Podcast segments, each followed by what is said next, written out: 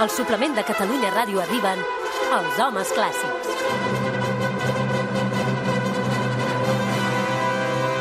Ready, set! Mestre Pardo i Albert Galzeran, bon dia i bona hora. Bon dia. Com esteu? Tot Molt bé? bé, molt bé. Molt contents. Sí, molt contents. Un moment, un moment. Perquè he vist... Um, uh, Mestre Pardo... Digui'm. Uh, és a dir, és, vam, uh, has passat pel perruquer fa poc, no? Sí, sí, sí. Hem pres el pèl. He decidit... T'han pres el pèl, però és, és Sí, un sí. de, és, uh, pentinat futbolista. De, Eh. degradat, no? De menys a més? Sí, però és degradat natural, em És sembla. Degradat natural. És degradat per, per, sí, amb un homenatge al futbol, que també està degradat últimament. Molt, sí, doncs eh? molt bé, ben sortit. Va, um, avui al suplement aquest matí a primera hora hem anunciat que el dia 15 de juny serem al Gran Teatre del Liceu amb tots els oients, us volem convidar i seran evidentment els homes Home, és clàssics. que no hi pots anar al Liceu sense Home, nosaltres. clar. Que, home, és que de fet sou els impulsors una mica de tot això, els precursors. El Liceu, evidentment, um, per vosaltres també és un lloc molt especial. El Pardo ara ja està treballant. Sí, jo per mi ara, ara Sí. mateix és casa meva, perquè a més a més demà passat estrenem l'òpera Els, els, Pescadors de Perles, dilluns 13, sí, sí. Atenció, atenció, una gran òpera. Però el dia 15 de juny, el que serà gran també serà aquest espectacle de ràdio i de música que farem al Liceu amb tots els amics del suplement. Uh, una primera vegada per molts de nosaltres, on... Uh, ja, digues, digues. És que anava a dir, clar, és que és això, només entrar al Liceu ja és ja val la pena, és a dir, jo he sentit moltes vegades, moltes vegades m'han dit, tu que hi treballes al Liceu i fas tantes coses, carai, com deu ser anar-hi? Doncs ara és l'oportunitat d'accedir i poder veure aquesta gran sala, No, que més és a més- meravellosa. A, a més a més, us he de dir una cosa. Ara, justament aquests dies que Mhm. estic treballant amb figures internacionals del cant, amb figures de primera divisió, i el primer que fan quan arriben és fer-se selfies Clar. a dintre, perquè la sala és És espectacular. preciosa. És... Clar, és que anem Sí, sí. habitualment ja no ho valorem tant, però el primer cop que hi entres, jo recordo molt el primer cop que vaig entrar I al deu fer una impressió, no? Pardo, tu que Sí. també estàs fent assajos. Sí, sí, sí, sí, sí. I a més a més té una sonoritat especial que després quan s'omple de gent canvia. Totalment. Està Sí, Va, anem desgranant una mica el cartell. La gent que ens acompanyarà al Liceu aquest matí del 15 de juny al suplement. Quina beguda tindrà set tota la seran els homes clàssics, però evidentment hi serà Mishima. Mishima aquest any fa 20 anys al Liceu. Al mes d'octubre tenen alguns concerts programats al Liceu per, per, per d'alguna manera també celebrar aquest 20è aniversari, però abans, evidentment, el David Caravent i companyia, eh, el David és col·laborador del suplement i també hem volgut que Mishima eh, hi sigui. I qui és la parella de Mishima? Sempre, cada diumenge al suplement, el demà ho deixo. Roger Mas. Mentre caminaven la boira d'hivern de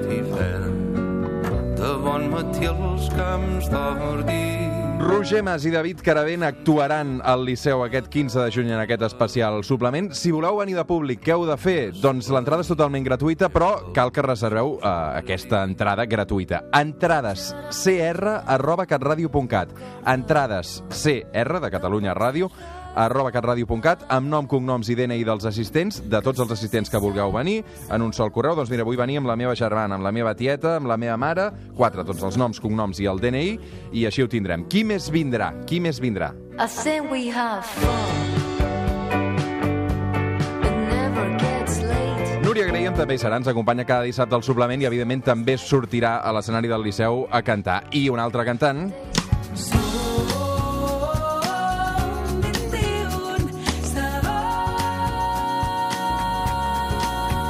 Núria Graham, Judit Nederman. Ara la sentim, també hi serà Mishima Roger Mas. Uh, perdó, amb la Judit Nederman prepareu una de grossa, no? Ah, sí, alguna cosa farem. No es pot revelar encara. No, no, no. A més a més, no només estarem ella i jo sols. Ep, i seran els homes clàssics. L'himne de l'alegria sonarà o no? ja ens agradaria La poder fer moderna. a la novel·la de Home, escolta'm, Beethoven. Si, si podem pagar una orquestra sinfònica I amb un cor i tot enorme, plegat. i quatre solistes...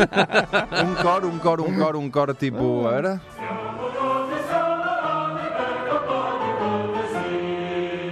Què és això que sona? Eh, això és Rossini. Això és Molt Rossini. Bé, molt bé.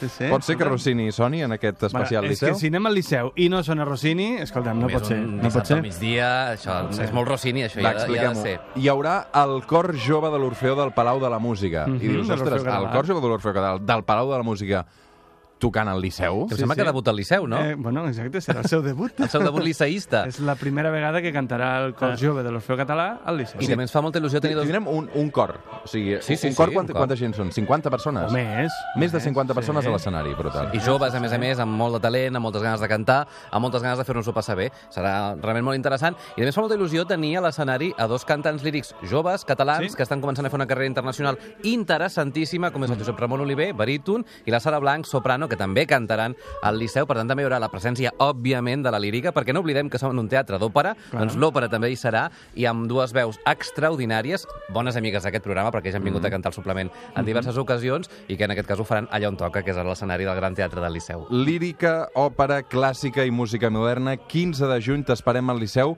Recorda reservar la teva entrada totalment gratuïta, només un correu entradacr.catradio.cat, nom, cognoms i DNI de les persones que vulgueu venir.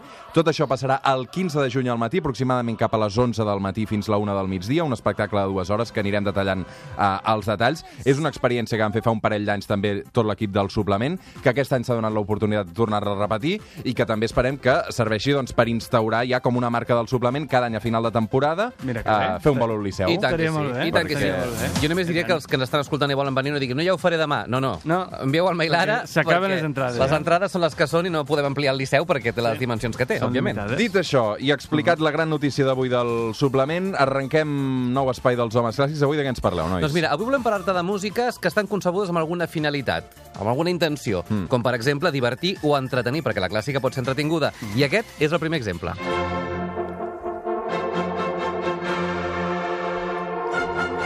Hem de dir que l'Albert ha rebut crítiques per dir justament aquesta frase de que la clàssica també pot ser És entretinguda. que també ho pot ser entretinguda, la clàssica, no? Sí, hi ha, hi ha alguns tuitaires... Allò Hi ha alguns tuitaires que se l'agafen en paper a fumar, eh? I que la clàssica, po- sí, té molta transcendència, pot ser mística fins i tot, eh? però també és entretinguda. A mi la clàssica també m'entreté. En tot cas, què et diu tu, aquesta música, Roger? A veure, puja una mica. Antic. Antic, antic, antic. Ho és, antic ho és. Antic. Sí, sí, sí, sí, ho és, ho és, ho és. És una composició de 1717. Ah. Imagina't, eh? D'abans d'ahir. Veus? Sí. Tu imagina't, Roger, si tu en lloc de dedicar-te a la ràdio t'haguessis dedicat a ser rei, que ja ho ets una mica, eh, del rei Sí. del suplement, per tant, eh, tindries molts, molts més diners dels que ja tens, perquè en tens molts, Ah. tindries molt més poder del que ja tens, Ui, però, sí. clar, tindries algunes certes limitacions, com, per exemple, no podies anar al cine, no podies escoltar un CD, no tindries... Bueno, al 1717. 1717, clar, clar. No tindries aquestes aplicacions tan divertides, però sí que podries navegar per un riu amb el teu propi vaixell i tindries el teu propi castell. Exacte, Carai. I, i això justament és el que va fer el rei Jordi I de la Gran Bretanya. Per divertir-se li agradava navegar al riu aquell, el Tàmesi, eh? el, el riu de, de Londres. Fantàstic, sí. Però per fer-ho, més a més, doncs, va encarregar el seu compositor de confiança, el Georg Friedrich Händel, que li compongués música per a aquests passejos pel riu. I així va néixer la Water Music. A veure, m'esteu dient que el rei Jordi I de la Gran Bretanya navegava pel Tàmesi mentre una orquestra li tocava música en directe just al costat? Ni És, més és ni com si el cor jove de l'Orfeo català Imagina't. al costat interpretant-me... Amb una eh, barca, allà. Tu amb la teva sí. barca i al costat una altra barca que et fa música en directe. O sigui, amb marques paral·leles, Home, eh? sí, esclar, clar. esclar, esclar. Si tu en una barca tranquil·la allà amb dos o tres acompanyants i al costat, paral·lelament seguint-te, la música en directe. Exacte. Però clar, una música on hi havia trompes, oboes, cordes, allò, violins, violes, violoncels, vull dir, era brutal, eh? I així, mentre es gaudia del paisatge, ell tenia aquesta banda sonora d'ocellets, riu i música en directe. És sempre meravellós, és meravellós. Sí, però, però això no és tot, eh? perquè uns anys més tard, durant el regnat de Jordi II de la Gran Bretanya, concretament l'any 1749, quan després d'un període de guerra tornà la pau a Anglaterra, li va encarregar a Händel que compongués això.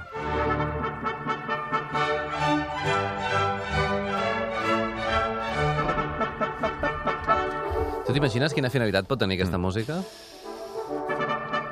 Antiga. Abans de ser antiga, la finalitat... Celebrar el... A veure, o sigui, a veure, puja'm una mica més, moment. Si havia tornat la pau, no? Sí, hi ha un punt d'alegria, no?, de pau, no? De, Sí. de, I estem de joia. Clar, però com tot, la gràcia està en el context, eh? perquè aquesta música havia de servir per acompanyar els focs, els reials focs artificials que van organitzar-se per commemorar precisament aquesta pau. Així, aquesta és la música pels reials focs d'artifici. Clar, és que ens pensem que allò del piro musical és modern, No, però no. en realitat tot Segle ve de la clàssica, sí. eh? Tot ve de la clàssica, eh? Però clar, en aquella època no hi havia micròfons, ni altaveus, ni televisió, ni No, res. clar. Així que Händel va haver de muntar una orquestra, bueno, una mica especial. N només tenia mm, més que 24 boes, 12 fagots, 9 trompetes, bueno, trompes, contrafagots, mm, timbals, de tot, eh? O sigui, era brutal. Igual hi havia 100 persones allà, allà tocant, tot perquè el so fos, fos prou fort eh, perquè tothom el pogués sentir. Clar. Va anar bé? Va funcionar l'experiència? Ah, Pel que fa al públic, hi va anar milers de persones, va ser una bogeria, però va acabar fatal, perquè va acabar amb un incendi, Carai. a l'haver-hi tanta gent, la gent va marxar en estampida i va haver-hi ferits. Un absolut desastre.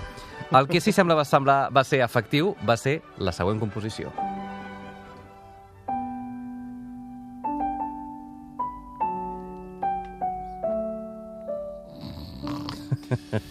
Imagino que coneixes aquesta composició, Roger. Mira com Sí. ha baixat el to. Antic i lent. Hola, bon dia. És Avui la- la paraula és antic, eh? Sí. Antic i... No. Això són les variacions Goldberg, no? Ah, Exacte, de Johann Sebastian Bach. El que potser no saps és que van ser concebudes per fer-nos No m'estranya, sí. A dormir. Ah. Exacte. Per fer-nos a Ah, dormir. I si les posem a aquesta hora per fer allò, la migdiada del bisbe. El, El, el Goldberg qui era? Doncs era el, el que tocava el clavicordi, el clavicèmbal, en aquest cas, que les va tocar per primer cop. Perquè ara les sentim tocades per un pianista, que és Glenn Gould, que en va fer una versió històrica, però originàriament s'han de tocar amb aquest altre instrument.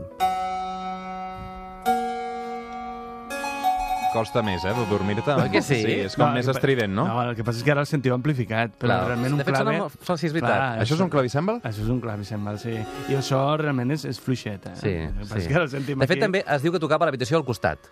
A sobre, no? Sí, per tenir el so més esmorteït. Però en tot cas, tornem a la, a la història d'aquestes variacions Goldberg, de Bach, que segons sembla aquest tal Goldberg treballava per un comte que vivia a Dresden, Alemanya, i que patia insomni, de manera que li van encarregar a Bach una obra que el relaxés i el fes a dormir. I per això va compondre aquesta obra que es basa en un tema, i aquest tema va variant al llarg de 30 variacions diferents. La idea era que, mentre el comte es posava al llit, a l'habitació al costat s'instal·lés aquest músic que anava interpretant les variacions a poc a poc fins que el comte s'adormia. Jo crec que totes no les va arribar a sentir mai.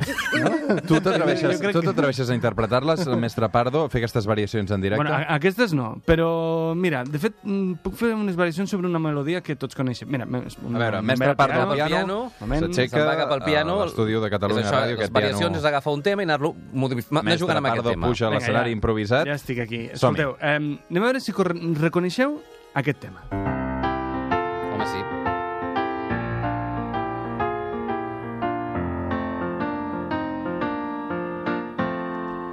Que bé sona en piano, eh?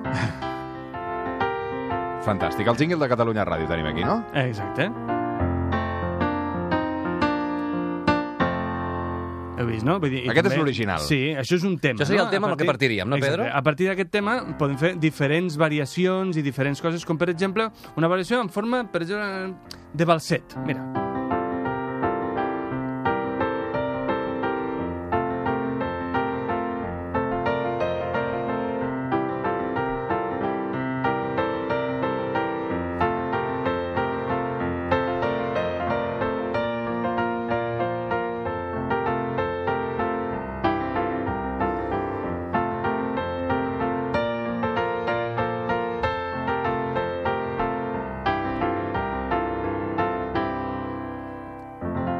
Vist, eh? Hem acabat aquí amb Catalunya Ràdio, però tenia aquest 1, 2, 3, 1, 2, 3, 1, 2, 3. Llavors les, les variacions poden ser ràpides, però també lentes, ja veurem.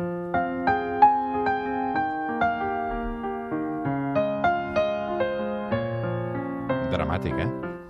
Com canvia, eh, Roger?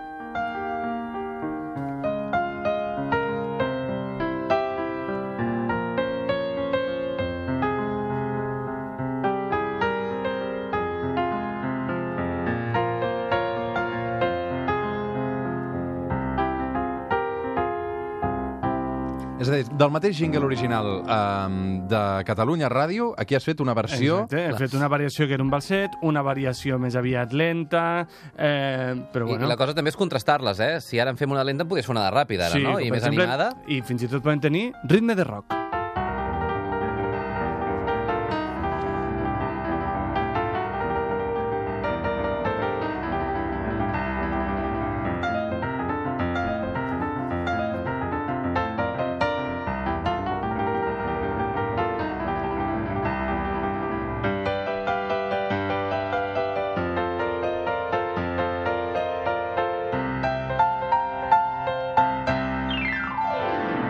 Mestre Pardo al piano! Bravo!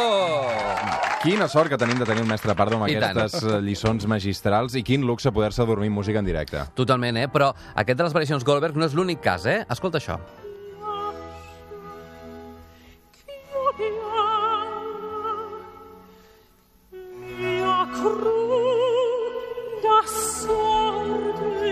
Quina soprano, eh, Roger?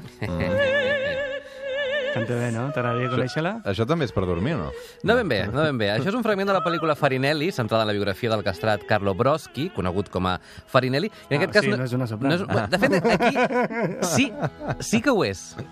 És una soprano i un tenor, canta, i un contratenor cantant alhora. Per fer aquesta pel·lícula, per acostar-se al so del, del castrat, el que van fer és agafar la veu d'una soprano i la d'un contratenor i sumar-la. Es van fusionar. Així tenien l'agut natural, diguéssim, de la soprano i la capacitat toràcica d'un home, que és, sempre és, físicament som, bé, tenim més capacitat toràcica. Però en tot cas, Mm. sembla ser, anem a la història de... de Castrat, per això.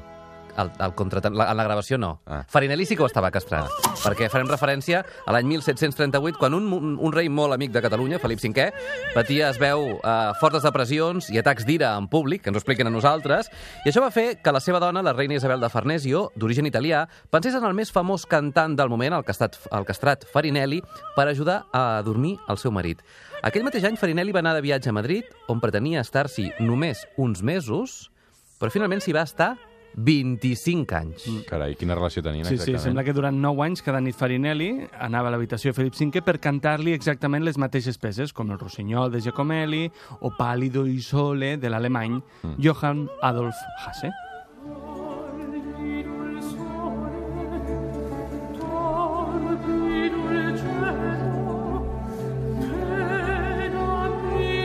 Però tota la música eh, està concebuda per relaxar-nos. També n'hi ha que està concebuda per cridar la nostra atenció i fins i tot fer-nos asseure a la butaca. Escolta.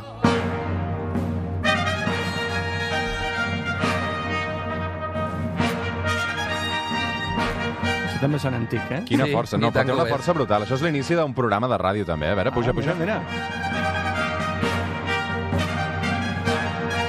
M'encanta, m'encanta, m'encanta. Això és una composició de l'any 1607 que realment l'utilitzem com l'obertura de l'Orfeo de Claudio Monteverdi, l'òpera que es considera l'inici de la història de l'òpera, tot i que en realitat no és això, perquè Monteverdi sabia que quan estrenés aquesta òpera al Palau dels Gonzaga li costaria molt fer asseure al públic assistent, que eren bàsicament nobles, i havia, havia de buscar una estratègia molt bona. Clar, és allò que arribaven tard, no acaben de seure, no hi havia manera El que... músic era només un músic, no, tenia cap... No hi havia cap anunci, allò, No. el Moby Record i tot allò, no?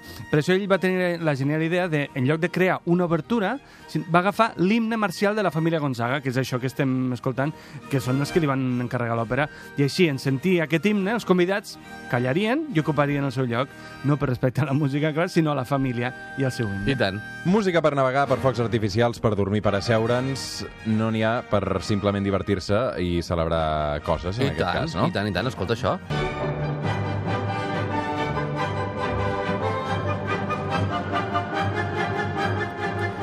Aquesta que sentim ara és l'obertura... Celebració, això, eh? Sí, sí, sí, és l'obertura per a un festival acadèmic de Johannes Brahms i la va compondre l'any 1880, el mateix any que va ser nomenat doctor honoris causa per la Universitat de Filosofia de Breslau. Exacte, i Brahms va decidir celebrar-ho amb una obertura en la que incorporava cançons que fins i tot cantava ell quan era estudiant, com el Gaudeamus Igitur, no? Clar, I totes sí, sí, sí, sí. Aquesta també surt dintre d'aquesta obertura per un festival acadèmic de Brahms. Mm -hmm.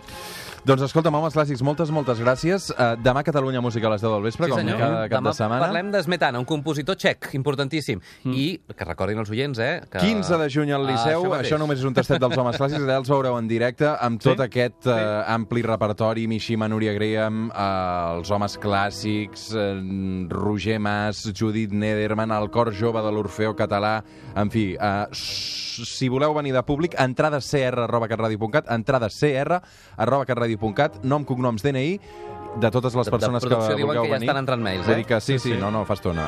Uh, vull dir que això o s'espavilen o nos lo quitan de les manos. que diuen. Pardo, Galceran, gràcies. Pausa i tornem. Adéu, adéu.